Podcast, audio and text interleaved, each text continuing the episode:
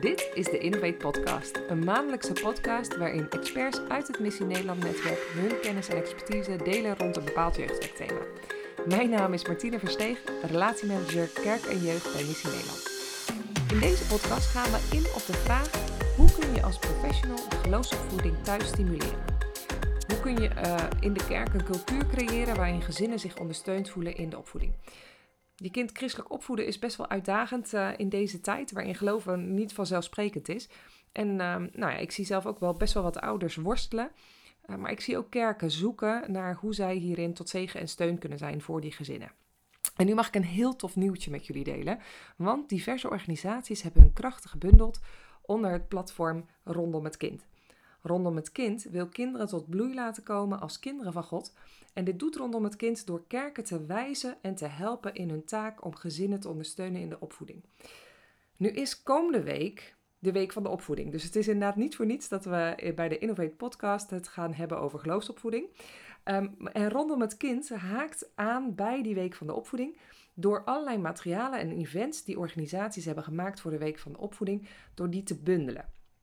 Um, ja, zodat je ook als kerk gewoon heel makkelijk kunt zien van hé, hey, wat is er allemaal en wat zouden wij kunnen doen voor uh, onze gezinnen of misschien onze gezinnen naartoe kunnen sturen. Nou, en dat is ook uh, natuurlijk uh, te gebruiken, niet alleen maar voor die ene week, maar ook door het hele jaar heen is het een thema waar we ehm, ja, aandacht voor willen hebben. Ehm, nu is het grappige dat het thema van de week van de opvoeding is hand in hand. En oh, de organisatie zegt hierover op hun website: Opvoeden doe je niet alleen, maar samen. Hand in hand met ouders of opvoeders spelen ook de school, sportvereniging, buren, vrienden en familie een rol in de opvoeding van het kind. Zij vormen samen de omgeving waarin kinderen opgroeien en worden opgevoed. Hoe beter opvoeders en betrokken organisaties samenwerken en elkaar versterken, hoe beter het, uh, hoe beter het kind gezond, kansrijk en veilig kan opgroeien. Ik, ik las dat en ik dacht, oh wauw, weet je wel, dit, dit is gewoon een seculier initiatief, maar uh, hoe, hoe, hoe tof is het dat we vanuit uh, een christelijk perspectief daar eigenlijk volmondig ja tegen zeggen en daar eigenlijk nog een veel rijkere uh, samenwerking ook kunnen, kunnen zien. Hè? Als het gaat over hand in hand, dat je ook als ouders mag weten van dat je in de opvoeding niet alleen staat. Dat, uh, dat God erbij is en, en zijn geest ook erbij is in jouw opvoeden, in je gezin. En ook gewoon wat een verrijking dat je een geloofsgemeenschap hebt die jou, ja, jou opvoeden thuis wil, ja, wil ondersteunen. En uh, dus wat dat betreft vind ik het een heel tof initiatief. Dat dus nu vanuit Rondom het Kind daar allerlei initiatieven gewoon gebundeld worden. waarin kerken dus veel makkelijker ook informatie kunnen gaan vinden over... hey, wat is er allemaal op het gebied van geloofsopvoeding? Dus ehm, ga daar vooral heen. En zoals altijd staat er op, de, op onze website meer informatie over deze podcast-editie. En daarvoor kun je gaan naar www.missienederland.nl slash innovate-podcast. En innovate schrijf je altijd met I-N-N-O-V en dan een 8. En daar vind je achtergrondinfo, tips uit het netwerk en ook een link naar Rondom het Kind. Um, je kunt je dan vervolgens inschrijven voor de uh, Rondom het Kind nieuwsbrief.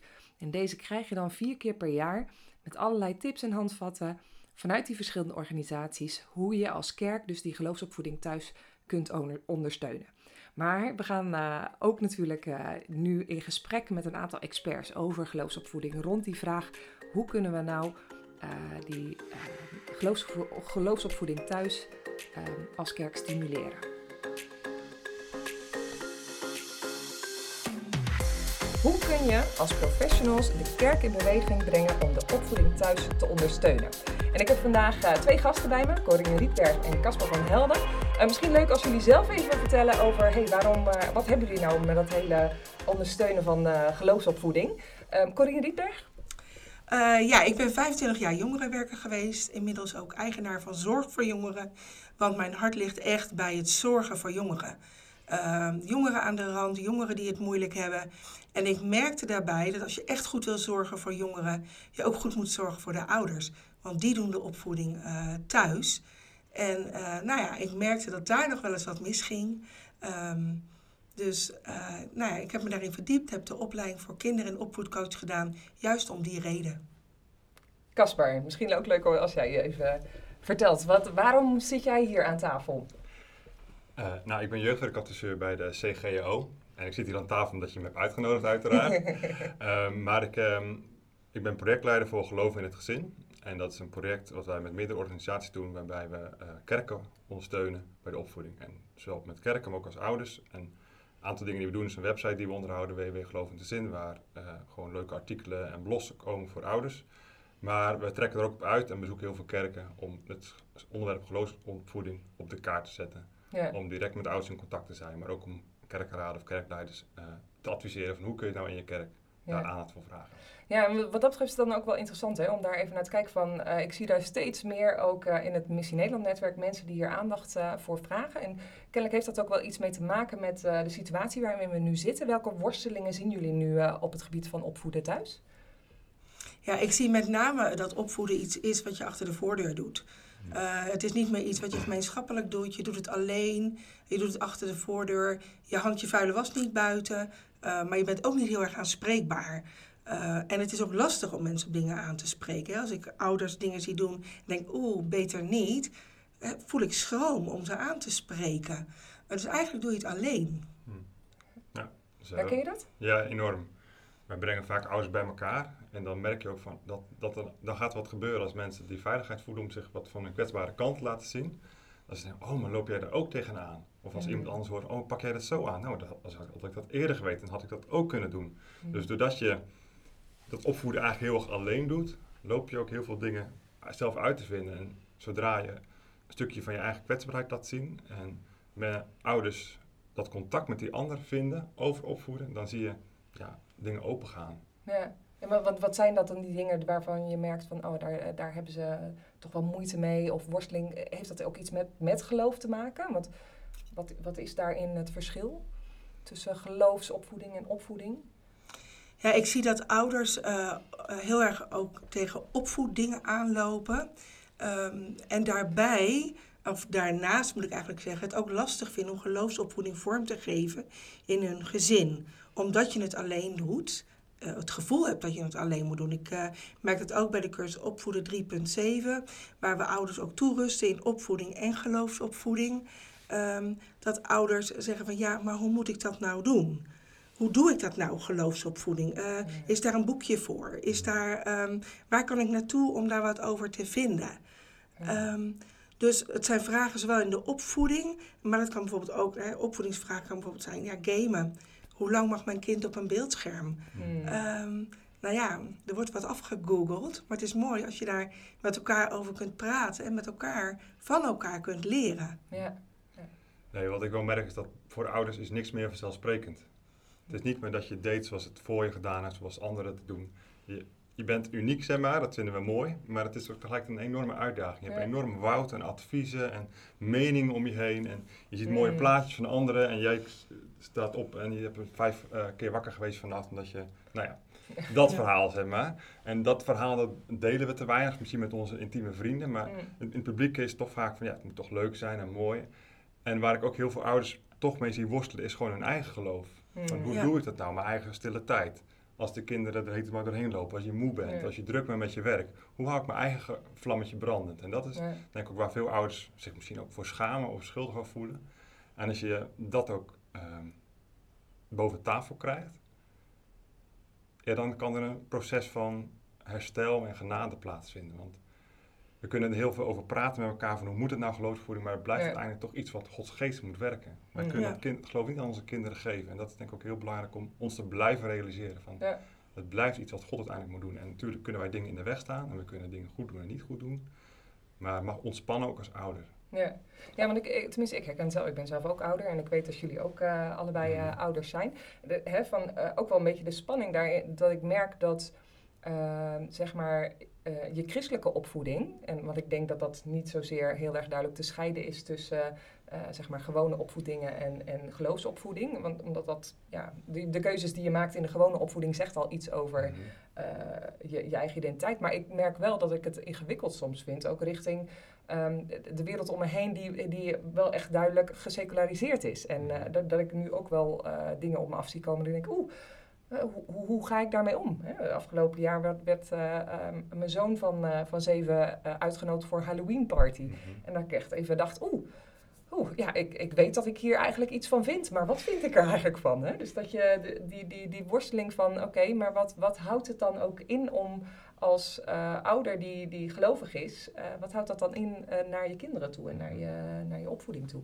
Dus dat, ehm, ik weet niet of jullie, herkennen jullie zelf ook als, als ouders die worstelingen eh, in de opvoeding? Diepe stilte. Ja, ik herken het wel dat je, dat je eh, ik vind je geloofsopvoeding en opvoeding is niet los van elkaar. Wat je zegt, ja. je voedt gelovig op. En het mooie is dat ehm, eh, ook uit onderzoeken komt dat je daarin als ouder het belangrijkste bent. Hmm. Eh, en daarin is denk ik het heel belangrijk, wat jij ook noemt, eh, Casper, ehm, dat je eh, werkt ook aan je eigen geloofsleven. Hmm. Hè? Want je kind ziet eh, welke plek het geloof in jouw leven heeft. Ik kan me een voorbeeld herinneren van mijn zoon, die mij in een hele moeilijke tijd om zes uur s morgens op mijn knieën vond. En dat hij dat zo eens zo aanstond te kijken. En dat hij zei, hé, hey, maar nu geloof ik het pas. Mhm. Hmm. Dat ik dacht van, weet je, hij mocht een stukje zien van mijn worsteling met God. Ehm, en daardoor zag hij van, hé, hey, dit is echt. En Mm. Nou, ik denk dat je daarin als ouders een heel ehm, mooi eh, voorbeeld bent. Hè? En het is ook niet voor niets in de Bijbel dat er stenen opgericht werden... waar de kinderen naar konden vragen van, hé, hey, waar zijn die voor? Dat je kon delen van de grote daden van God. En misschien moeten we ook eens gaan stilstaan, hoe kunnen we die stenen neerleggen? Ja, Ja. mooi. Ja. Ja.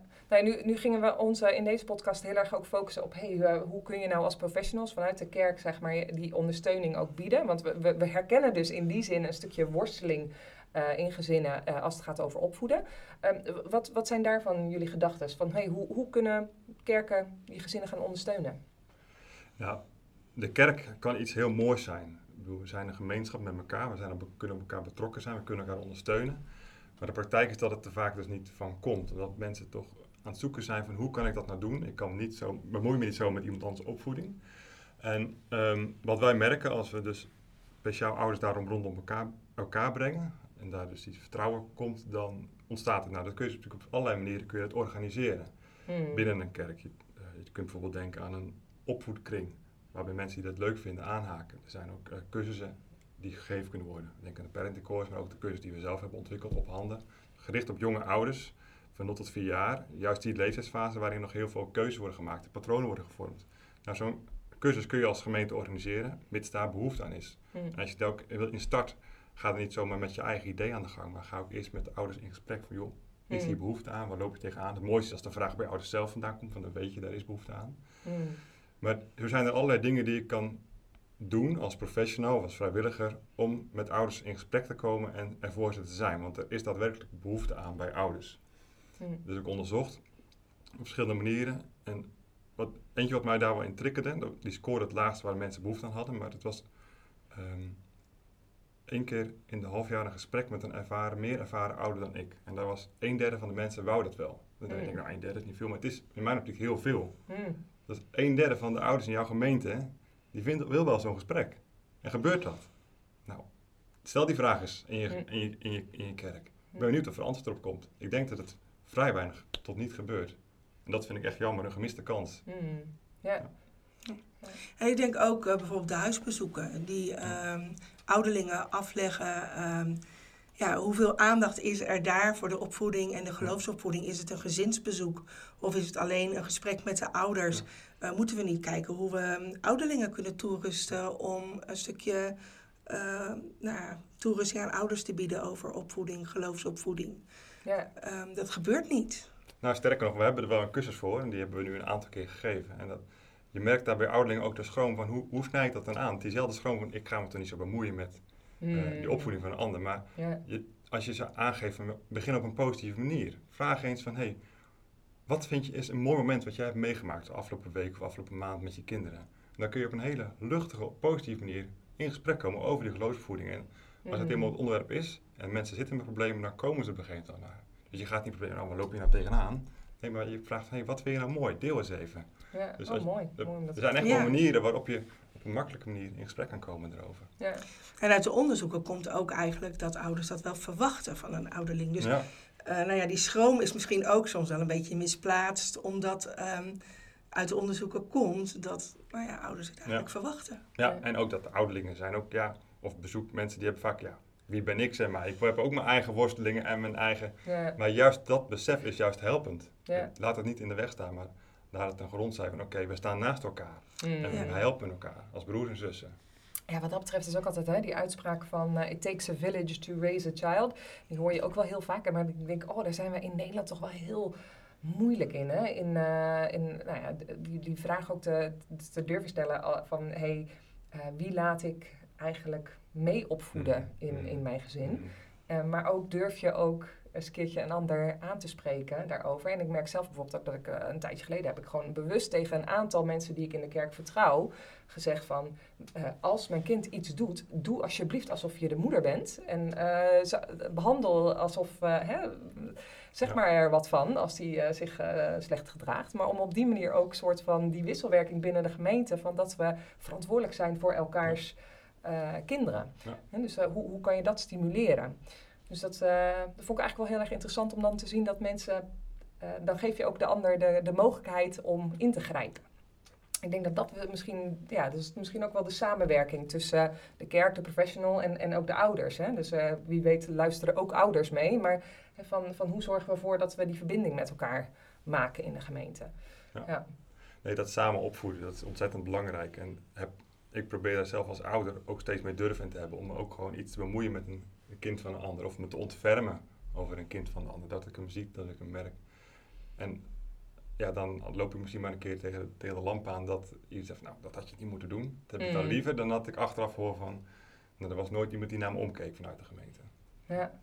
Ja, dat ontfermen vind ik echt heel mooi dat je dat noemt. Van, ehm, we beloven ook bij de doop ehm, dat we ja, zullen helpen in het opvoeden van het kind. Hmm. En eh, nou, ik vraag me dan wel eens af hoeveel vorm eh, dat krijgt. Maar inderdaad, het ontfermen, ehm, ja, bewogen zijn met de kinderen. Ehm, ja, dat, kun je, dat, dat vraagt moed. Hmm. Maar ik denk dat het heel zegenrijk kan zijn eh, Mm. voor ouders, maar zeker voor kinderen. Ja. Ja. ja, en ik denk ook een belangrijk punt wat jullie ook noemden, hè, van, van eh, in hoeverre is in de, in de kerk, eh, ik denk dat, dat de, de kerk heeft een aantal rollen in, in, in, het, eh, in, in het stimuleren van, van de opvoeding. Is aan de ene kant wat jullie zeiden van, ehm, in hoeverre zorg je als kerk dat je eh, de ouders eh, inspireert om een, een echt eigen door- doorleefd geloof te hebben, die je vervolgens weer kan spiegelen naar het kind. Want het kind spiegelt zich met name naar, naar de ouders. Dus hoe, hoe creëer je dan een, een, een kerk die, die de ouders ook daadwerkelijk laat groeien in geloof? En hun eh, een soort van ook een, mate van eh, ownership hebben eh, van, van hun geloof. Dus dat, eh, hebben jullie, zien jullie daar ook, eh, hebben jullie daarin tips eh, voor gemeentes van hoe je dat zou kunnen doen voor kerken of professionals? Dat is wel een hele grote Dat vraag. is meteen heel ja, het is moeilijk, een hele hè? grote vraag. Want dan eigenlijk is, hoe maak je een kerk dicht bij Jezus? Ja. Ja. En dat kunnen we niet maken ook. Dus Nee. Maar Dus je kan dat is er als iets wat je kerk natuurlijk wel de focus ehm, leggen. Hè? Zet Jezus centraal. Mhm. Ehm, een van de dingen die ik dus ook best wel zie in kerken, eh, met name in jeugd, maar daar heb ik natuurlijk het meeste zicht op, is dat eh, activiteiten en dingen eh, centraal komen te staan in plaats van Jezus. Hmm. En eh, nou ja, zet je als kerk Jezus echt centraal. Ja. Ehm, en ik denk, nou ja, dat, dat dat een vraag is die een beetje antwoord is op jouw vraag. Ja, ja. Nee, en dat is dus inderdaad ook eh, het, eh, een, een soort stukje bewustwording van wat jouw rol is als kerk. Hè? Van aan de ene kant dus die, die, dat inspireren van die ouders. Ik denk dat de andere rol is ook een stukje bevestigen eh, van de opvoeding die er thuis is. Hè? Dus eh, de ouders voeden hun kind op en in de kerk ontmoeten ze mensen die eh, eh, wonderbaarlijk ook eh, in Jezus geloven. Gewoon, die ouders van mij zijn eigenlijk nog niet zo gek. Eh, ehm, dus dat ik denk ook van, van hé, hey, dat is wel interessant van welke rollen heb je als kerk in dat, dat hele opvoed. ehm, Daar hebben we ook wel een discussie over gehad. Ehm, uit onderzoek blijkt zeg maar, dat eh, de kerkdienst de plek is waar de ouders het liefst worden ondersteund in de geloofsvoeding. En dan hebben we ook wat discussie over, is het dan vooral dat ze, het aspect dat ze hun eigen geloof daar gevoed wordt? Of dat ze tips en trucs voor hun opvoeding krijgen aangereikt? En ik denk dat dat eerst is het belangrijkste, het wezenlijkst. Want het begint inderdaad met het voorbeeld wat te zien als jou als ouder. Maar het andere mag er ook zijn. Mm. Eh, dat, het, dat ouders zich ehm, herkend voelen wel wat er in de dienst gebeurt. Van, oh wacht even, dit gaat over mijn leven, over mijn strukkel die ik heb elke dag. Niet alleen op mijn werk, maar ook thuis. Mm. En ehm, ehm, ik merk ook wel dat ehm, kerken dat soms ook wel lastig vinden. Van, hoe doe ik dat dan? In een kerkdienst aandacht geven aan opvoeden. Hoe doe ik het dan met al die andere mensen die er ook zijn, die geen opvoeder zijn of die single zijn? Of zitten de kinderen misschien nog bij? Hè? En dan ga je over hun ouders tips geven hoe zij het moeten doen. Hoe doe je dat? En dat is best wel een worsteling geweest. Uiteindelijk hebben we wel een map kunnen ontwikkelen met twee preschetsen erin en allerlei werkvormen waar je als kerk dus deel kan staan bij het opvoeden. En Mhm. daar hebben we ook heel erg nadruk op samen opvoeden. Dat je het niet als ouder op zich doet, dat je niet als ouders met elkaar doet, maar dat je als hele gemeente het doet.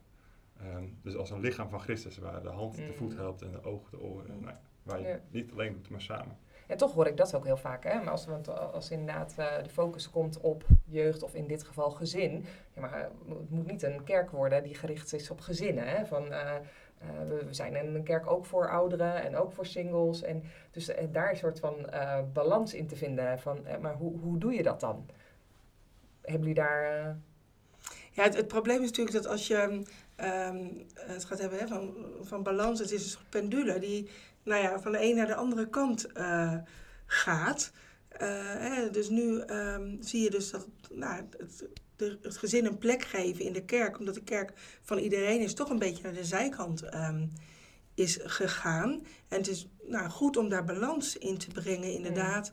Dat eh, gezin ook een wezenlijk onderdeel is van de kerk. Net als singles, net als de ouderen.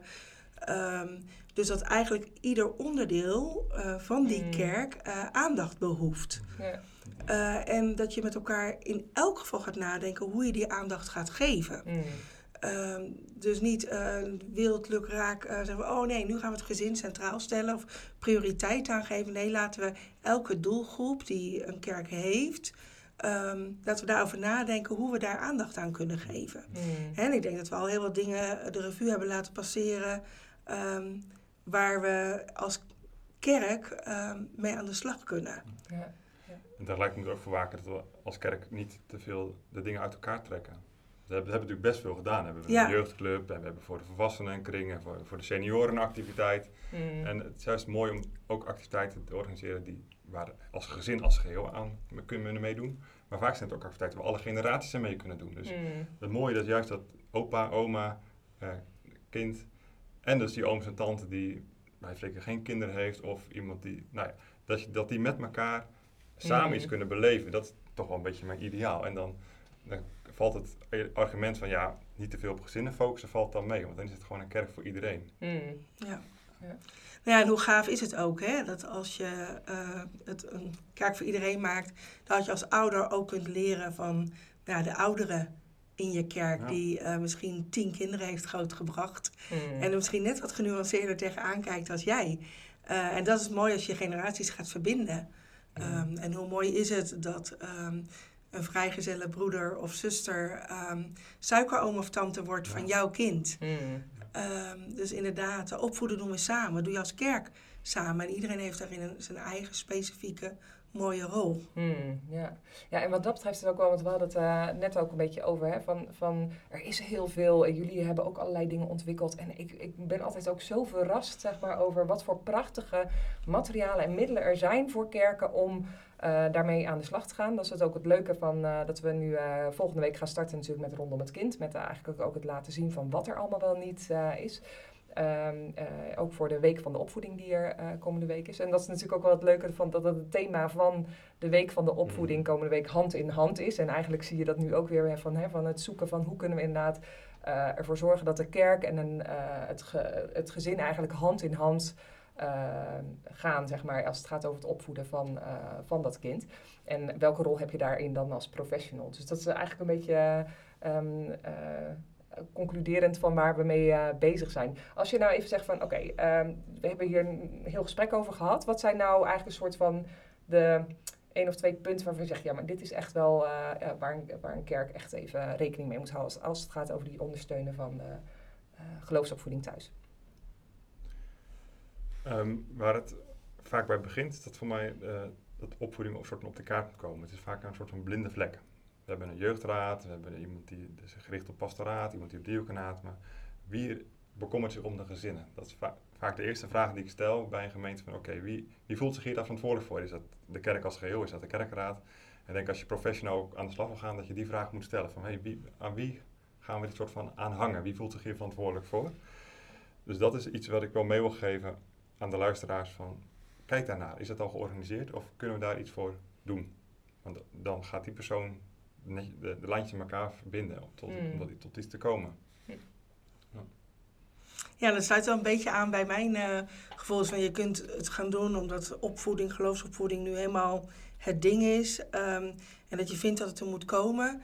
Uh, maar doe het echt vanuit je hart. Um, doe het vanuit de, de, de visie, het verlangen om uh, goed te zorgen voor de kinderen en jongeren in je kerk. Mm. Um, en dan inderdaad kijk naar wie is daar verantwoordelijk voor? Mm. Wie gaat dit oppakken? Uh, dus ga niet zomaar een ballonnetje oplaten, maar uh, zorg dat er een touwtje aan dat ballonnetje zit, zodat je het vast kunt blijven houden. en het ook voortgang vindt. En het niet maar een eenmalig iets is.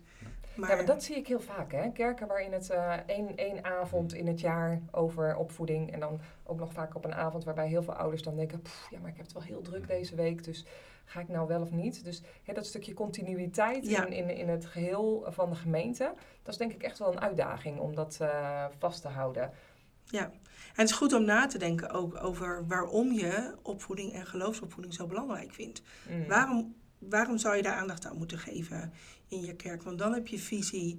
Als je dan kijkt van wie is daar dan mm. verantwoordelijk voor, dan, dan heb je meer een, een continuïteit erin zitten dan dat je inderdaad maar één avond doet, wat overigens nou, goed is. beter is dan niets. Ja, ja, doe dat vooral. doe dat vooral. En er komen er maar een paar ouders, doe het daarvoor. Ja, doe het daarvoor. Of verbind ouders dan met elkaar. Um, ik merk dan aan het einde van de cursus um, op voor de 3.7 dat ouders nu elkaar weten te vinden en daardoor um, een gesprekskring hebben gestart. Uh, over opvoeden en geloofsopvoeding. Ik denk, oh wauw, weet je, dan, dan vindt het ook zijn doorgang. Dus ik wil niet zeggen dat één avond niet oké is.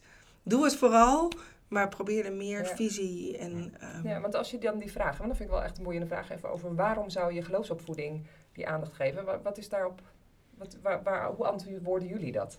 Nou, omdat het thuis gebeurt. Geloof, uh, jeugdwerk is eigenlijk maar een beetje rommel in de marge. Dat moet even heel oneerbiedig zeggen. Au, au, nee, maar als je kijkt hoeveel tijd, waar zijn de kinderen het meest? Dan zijn ze thuis. Waar zijn ze in een jonge jaar het meest? Thuis. Ja. En um, daar brengen ze gewoon echt de meeste tijd in door. En kerkdienst en jeugdwerk, heel belangrijk. Maar als het thuis niet gebeurt, dan is het eigenlijk bijna zinloos. Even heel plat gezegd. Ik bedoel, Gods geest kan overal doorheen werken, gelukkig. Maar, zelfs door mij als jeugdwerker. ja. ja, ja, en zelfs door falende ouders heen. Ja. Maar ja, dat, ze zijn gewoon ontzettend veel tijd thuis. En die ouders zijn gewoon de belangrijkste, blijkt ook onderzoek, de belangrijkste persoon in hun leven voor hun geloofsontwikkeling. Ja. Dus ja. dat is denk ik wel de hoofdreden. Mooi, ik vind dat ook een mooie om uh, mee te sluiten. Ik wil jullie heel erg bedanken voor jullie komst en voor het delen van uh, jullie kennis en expertise.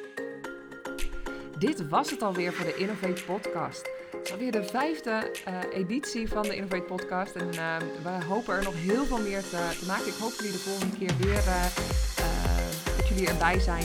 En we zullen dan ook weer nieuwe experts hebben om de tafel.